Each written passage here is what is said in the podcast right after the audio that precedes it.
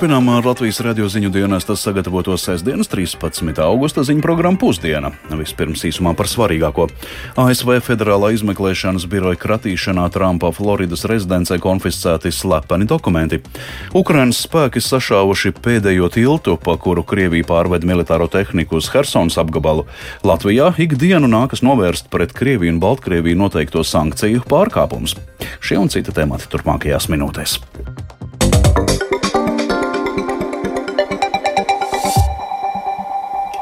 Amerikas Savienoto Valstu federālā izmeklēšanas biroja aģenti, veicot kratīšanu bijušā prezidenta Donalda Trumpa rezidencē, Maralago, Floridas štatā, atraduši un konfiscējuši dokumentus ar atzīmēm ļoti slepeni, slepeni un konfidenciāli. Par to liecina vakar publiskotie izmeklēšanas dokumenti. Šī izmeklēšana saistīta ar ASV spiegošanas likuma iespējamiem pārkāpumiem. Plašāk stāsta Rihards Plūme. Federālā izmeklēšanas biroja kratīšana bijušā prezidenta Donalda Trumpa rezidencē Floridas štatā notika šo pirmdienu. Pirmais par to publiski paziņoja Trumps, nosodot notiekošo un nosaucot to par prokuroru amatpārkāpumu. Gaisā virmoja dažādas spekulācijas par to, kāds ir šīs kratīšanas iemesls. Zināms, ka pret Trumpu notiek vairākas izmeklēšanas. Viena no šīm izmeklēšanām saistīta ar to, ka viņš pēc sakāves prezidenta vēlēšanās 2020. gadā aizvedis sev līdzi uz Floridu vismaz vismaz 15 kastes ar valdības dokumentiem. ASV Tieslietu ministrijā izmeklē arī Trumpa piekritēju iebrukumu ASV Kapitolijā 2021. gada 6. janvārī. Džordžijas štatā tiek izmeklēti Trumpa mēģinājumi mainīt 2020. gada prezidenta vēlēšanu rezultātus, savukārt Ņujorkā tiek izmeklēta viņa biznesa prakse. Orderis, kuru personīgi apstiprināja ASV ģenerālprokurors Meriks Gārlends, pilnvaroja FIB veikt kratīšanu Trumpa rezidences privātajā birojā un noliktavu telpās. Tas arī pilnvaroja FIB konfiscēt dokumentus un materiālus, kas nelikumīgi piederēja Trumpam. ASV Tieslietu ministrija pieprasīja publiskot kratīšanas orderi, ņemot vērā, ka bijušais prezidents publiski apstiprināja kratīšanas faktu, ņemot vērā apkārtējos apstākļus un būtisko sabiedrības interesi par šo lietu. Piektdien kratīšanas orderis un ar to saistītie materiāli pēc Floridas tiesnešu lēmuma tika atslepenoti, un tie parādīja, ka FIBA aģenti kratīšanā konfiscējuši ievērojumu daudzumu dokumentu. Kopumā izņemtas vairāk nekā 20 kastes ar mantām un 11 dokumentu kaudzes. Dokumenti ir ar atzīmēm ļoti slepeni, slepeni un konfidenciāli. Tiek uzskatīts, ka Trumps ar šo dokumentu glabāšanu ir izdarījis trīs kriminālu pārkāpumus, tostarp vienu pēc spiegošanas likuma, kas kriminalizē nacionālās drošības informācijas nelikumīgu iegūšanu vai paturēšanu. Vēl pirms izmeklēšanas dokumentu publiskošanas laikraksts The Washington Post rakstīja, ka reida laikā meklēti arī dokumenti, kas saistīti ar kodolieročiem. Trumps gan apgalvoja, ka visi šīs kratīšanas laikā konfiscētie materiāli iepriekš bija atslapanoti. Tieslietu eksperti brīdinājuši, ka potenciālās apsūdzības vēl ir neskaidras, un Trumps var netikt turēts aizdomās par spiegošanu, lai gan orderis atsaucas uz spiegošanas likumu.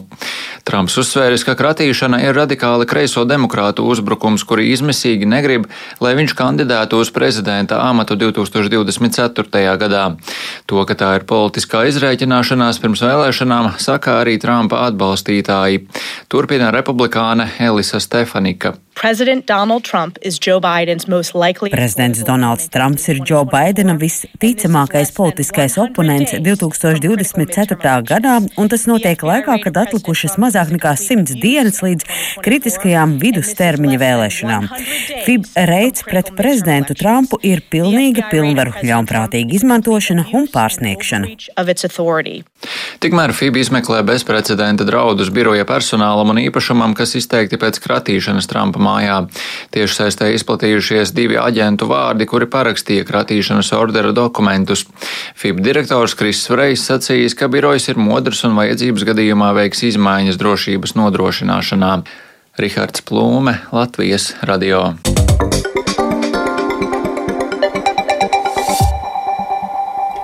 Ukrainas bruņotie spēki ir sašāvuši ceturto un pēdējo tiltu Helsonas apgabalā, ko Krievijas karaspēks izmantoja tehnikas pārvešanai uz šī apgabala daļu Dņepras labajā krastā.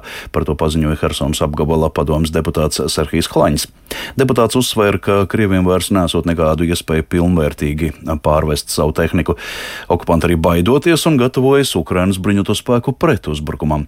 Arī Britu izlūkdienesti norāda, ka visas piegādes Krievijas armijai būs atkarīgas no divām pontu tonu pārceltuvēm. Izlūkdienas norāda, pat ja Krievijai izdosies veikt ievērojams tiltu remontdarbus, tie joprojām būs galvenā ievainojamā vieta.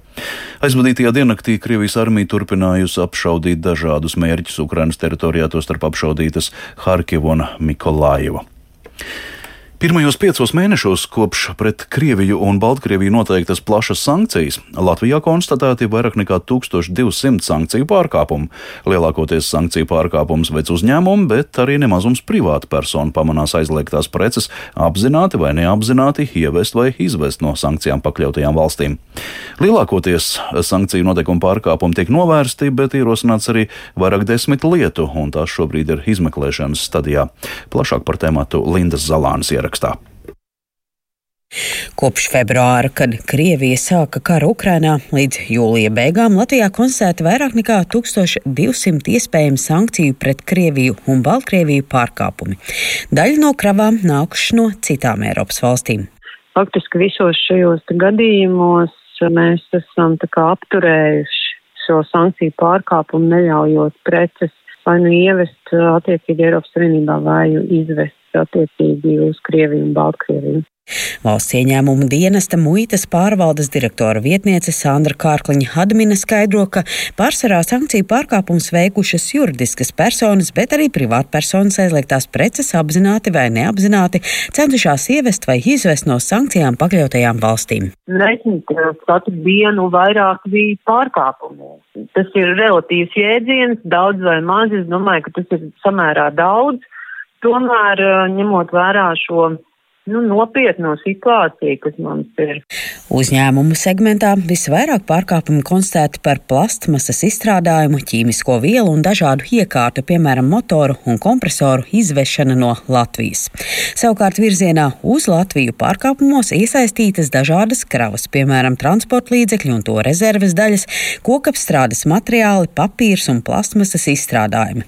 Vidu pārstāve akcentē, ka ir arī kāda jauna tendence. Uzņēmumi mēģina mēģina ievest vai izvest preces zem cita nosaukuma, proti deklarēt tādas preces, kuras nav sankciju sarakstā, tāpat laikā mēģina ievest šīs sankcionētās preces. Un to mēs jau tā kā no vienas puses paredzējām, un tas mūsu paredzējums arī piepildījās. Bet attiecībā uz privātpersonām lielākā daļa konstatēto pārkāpumi ir saistīti ar sankcionēto preču, alkohola, degvielas un cigarešu ievešanu. Latvijas Tirzniecības un Rūpniecības kameras valdes loceklis Jānis Lielpēteris teica, ka kara sākuma posmā no uzņēmumiem jautājumi par sankciju pakļautajām precēm bijuši ievērojami vairāk nekā šobrīd, bet liels darbs ieguldīts arī skaidrojošajā darbā. Krievija kļuva par faktiski visu sankcionētāko valsts pasaulē, pat tur Irānu. Nu, līdz ar to gribētos teikt, ka kļūdas arī šajā procesā ir absolūti saprotamas. Droši vien, ka būtiskākais jautājums par to, cik daudz no šiem uh, gadījumiem ir tādi apzināti mēģinājumi pārkāpt. Bet, nu, es gribētu teikt, ka Latvijā sirds ir pareizajā vietā un arī tā izpratne par to, ka sankcijas ir nu, tāds demokrātiskās pasaules galvenais instruments, kā cīnīties pret šo arī no biznesa vidas puses. Tā izpratne pavisam noteikti saglabājās un, un ir, ir stipra Latvijas uzņēmēja saimē. Valsts ieņēmuma dienesta pārstāve Latvijas radio atklāja, ka lielākoties sankciju noteikumu pārkāpumi tiek novērsti, neļaujot preces ievest vai izvest no sankcijām pakļautajām valstīm. Par pārkāpumiem ierosinātas vairāki desmitu lietu, un tās šobrīd ir izmeklēšanas stadijā. Linda Zalāne, Latvijas radio.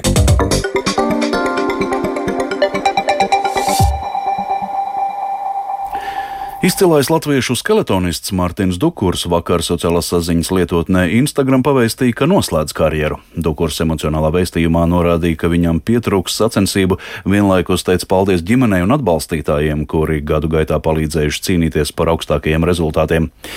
Savukārt Latvijas junioru hokeja izlase aizvadītajā naktī aizvadīja svarīgu spēli pret Slovākiju pasaules čempionātā Edmontonā.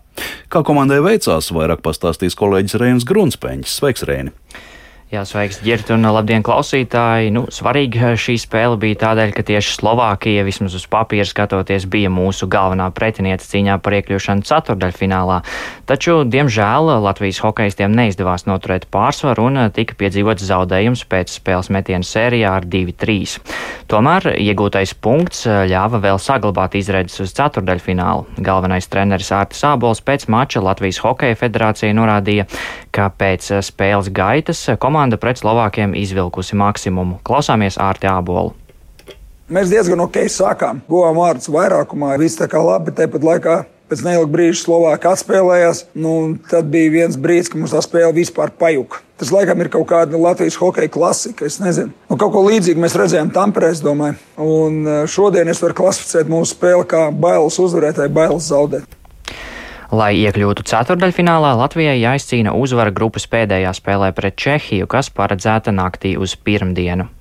Savukārt Latvijas sieviešu volejbola izlase šovasar jaunā galvenā trenera itālieša Daniela Skaprioti vadībā gatavojas Eiropas čempionāta kvalifikācijas turnīram. Pirms dažām dienām latvietis aizvadīja divas pārbaudas spēles pret Austriju, kurās tika piedzīvoti divi zaudējumi ar 1-3. Kaprioti sarunā ar Latvijas radio gan atzina, ka galvenais pagaidām ir koncentrēties uz sniegumu, nevis rezultātu. Turpina Daniela Kaprioti.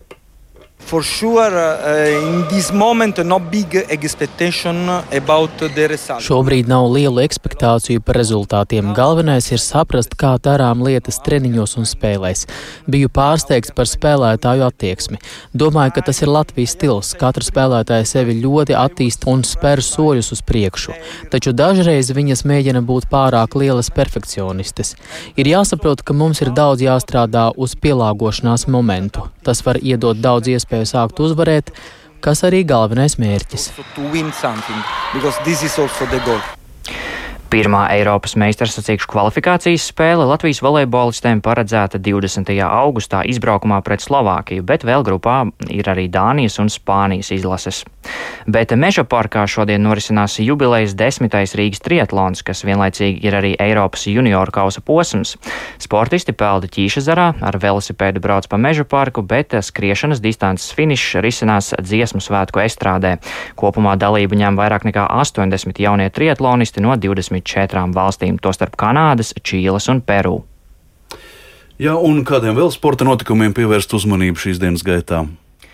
Jā, nu šodien plašs spēļu klāsts visas dienas garumā ir Eiropas futbola cienītājiem. Lielo valstu līgas ir sākušās, un šovakar Spānijā sezonu uzsāks titulētais klubs Barcelona, kuras rindas šovasar ir papildinājusi poļu zvaigzne Roberts Levandovskis. Vēl pirms tam arī Anglijas Premjerlīgā spēles aizvedīs gan Londonas Arsenal, kas tiksies ar Leicester City, gan arī abas Manchesteras komandas, kurām pretim stāsies zemāka līmeņa pretinieki. Tāpat motorsportā sezonas pirmais pasaules čempionāta posms Rallycrossa Eriks 1 klasē šodien iesāksies Hellas trasē Norvēģijā. Pirmo reizi čempionāta vēsturē uz starta izbrauks pilnībā elektrificētas rallycrossa automašīnas. Šajās sacensībās Eiropas čempionāta ieskaitē startēs arī mūsu Jānis Baumanis. Savukārt vakarā Latvijas radio ēterā apskata raidījumā sakosim tiešraidē līdz notikumiem no Rīgas Olimpiskā centra. Tur šonadēļ risinās Eiropas U18 čempionāta B divīzija handbolā, un šodien pulkstenis sešos Latvijai paredzēts pusfināls pret Šveices izlasi. Par to tad vakara raidījumā dienas notikuma apskats, bet pagaidām par sportu man tas arī viss. Jā, paldies. Tā Rēnis Grunspaņs par aktuālo sportā. Vēl informācija tiem, kas šajā karstajā laikā dosies pie ūdeņiem. Rīgas peldvietās šodien ūdens temperatūra ir no 18 grādiem jūras līča piekrastē līdz 23 grādiem Bābelīša ezerā. Vēsākais ūdens 18 grādi ir vakarbuļi, Daugaugrības pludmalēs Rīgas jūras līcī, Rumbuls peldvietā Daugavā 19 grādi, jūras līča piekrastē otrpus Daugavai vecāķos ūdens jūtami siltāks 21 grāds, tikpat arī Lucavas salas peldvietā Daugavā un Ķīšuzara peldvietā pie Meža parka, bet siltākais ūdens, kā jau ierasts Rīgā, Bābelīša ezerā - 23 grādi. Līdz ar to arī izskan 13. augusta ziņu programma Pusdiena. To producēja Viktors Pupiks, par labskaņu rūpējās Ulris Grīnbergs un Kristaps Eida studijā Ģercauzāns.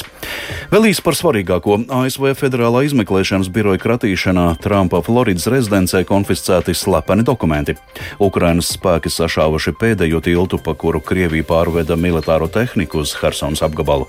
Latvijā ikdienu nākas novērst pret Krieviju un Baltkrieviju noteikto sankciju pārkāpumus. Izcilais latviešu skeletonists Mārtiņš Dukurs paziņo, ka noslēdz karjeru.